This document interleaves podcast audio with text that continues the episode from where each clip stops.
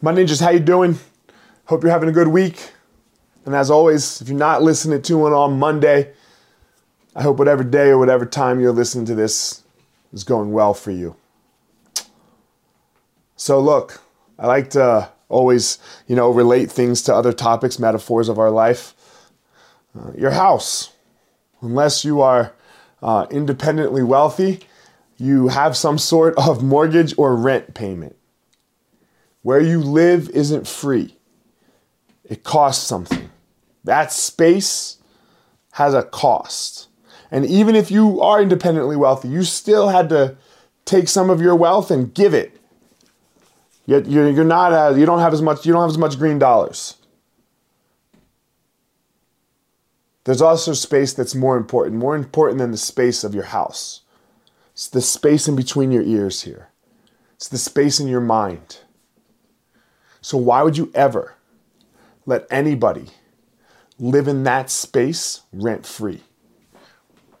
Let me ask you again why would you ever let anybody live in that space rent free? And anytime you let somebody occupy your thoughts, anytime you let somebody occupy your time when they're not there, they're living there rent free.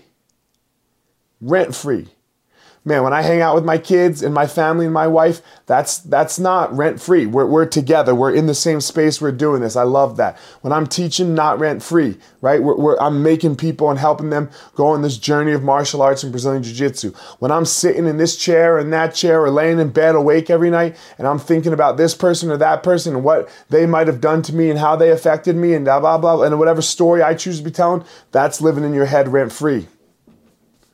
That's living in your head rent free. And when you let somebody live in your head rent free, they are taking your time. They are taking your peace. They are taking your power. They are taking away time that you're going to be able to give in a skillful way to, to the people that do matter, that you do want to be uh, in your head. Those people that you truly love. Those people that truly care about you and, and you give that back to them. It's hard. I struggle with this one. Soon as you realize it, again, make that switch. Make that switch to get them, at, at least they got to pay. At least they got to pay. And if they pay, that means you got to be talking to them about whatever issue you're having with them, whatever problem you might be having with them. They can't be there free. They can't be there for free. They at least got to pay a little bit. Got to spend that time with you in your head. And that's actually with you in person, it's not in your head. Nobody gets to live rent free. Don't let anybody live rent free in your head. Discover your passion, find your power, go give your purpose to the world, my ninjas.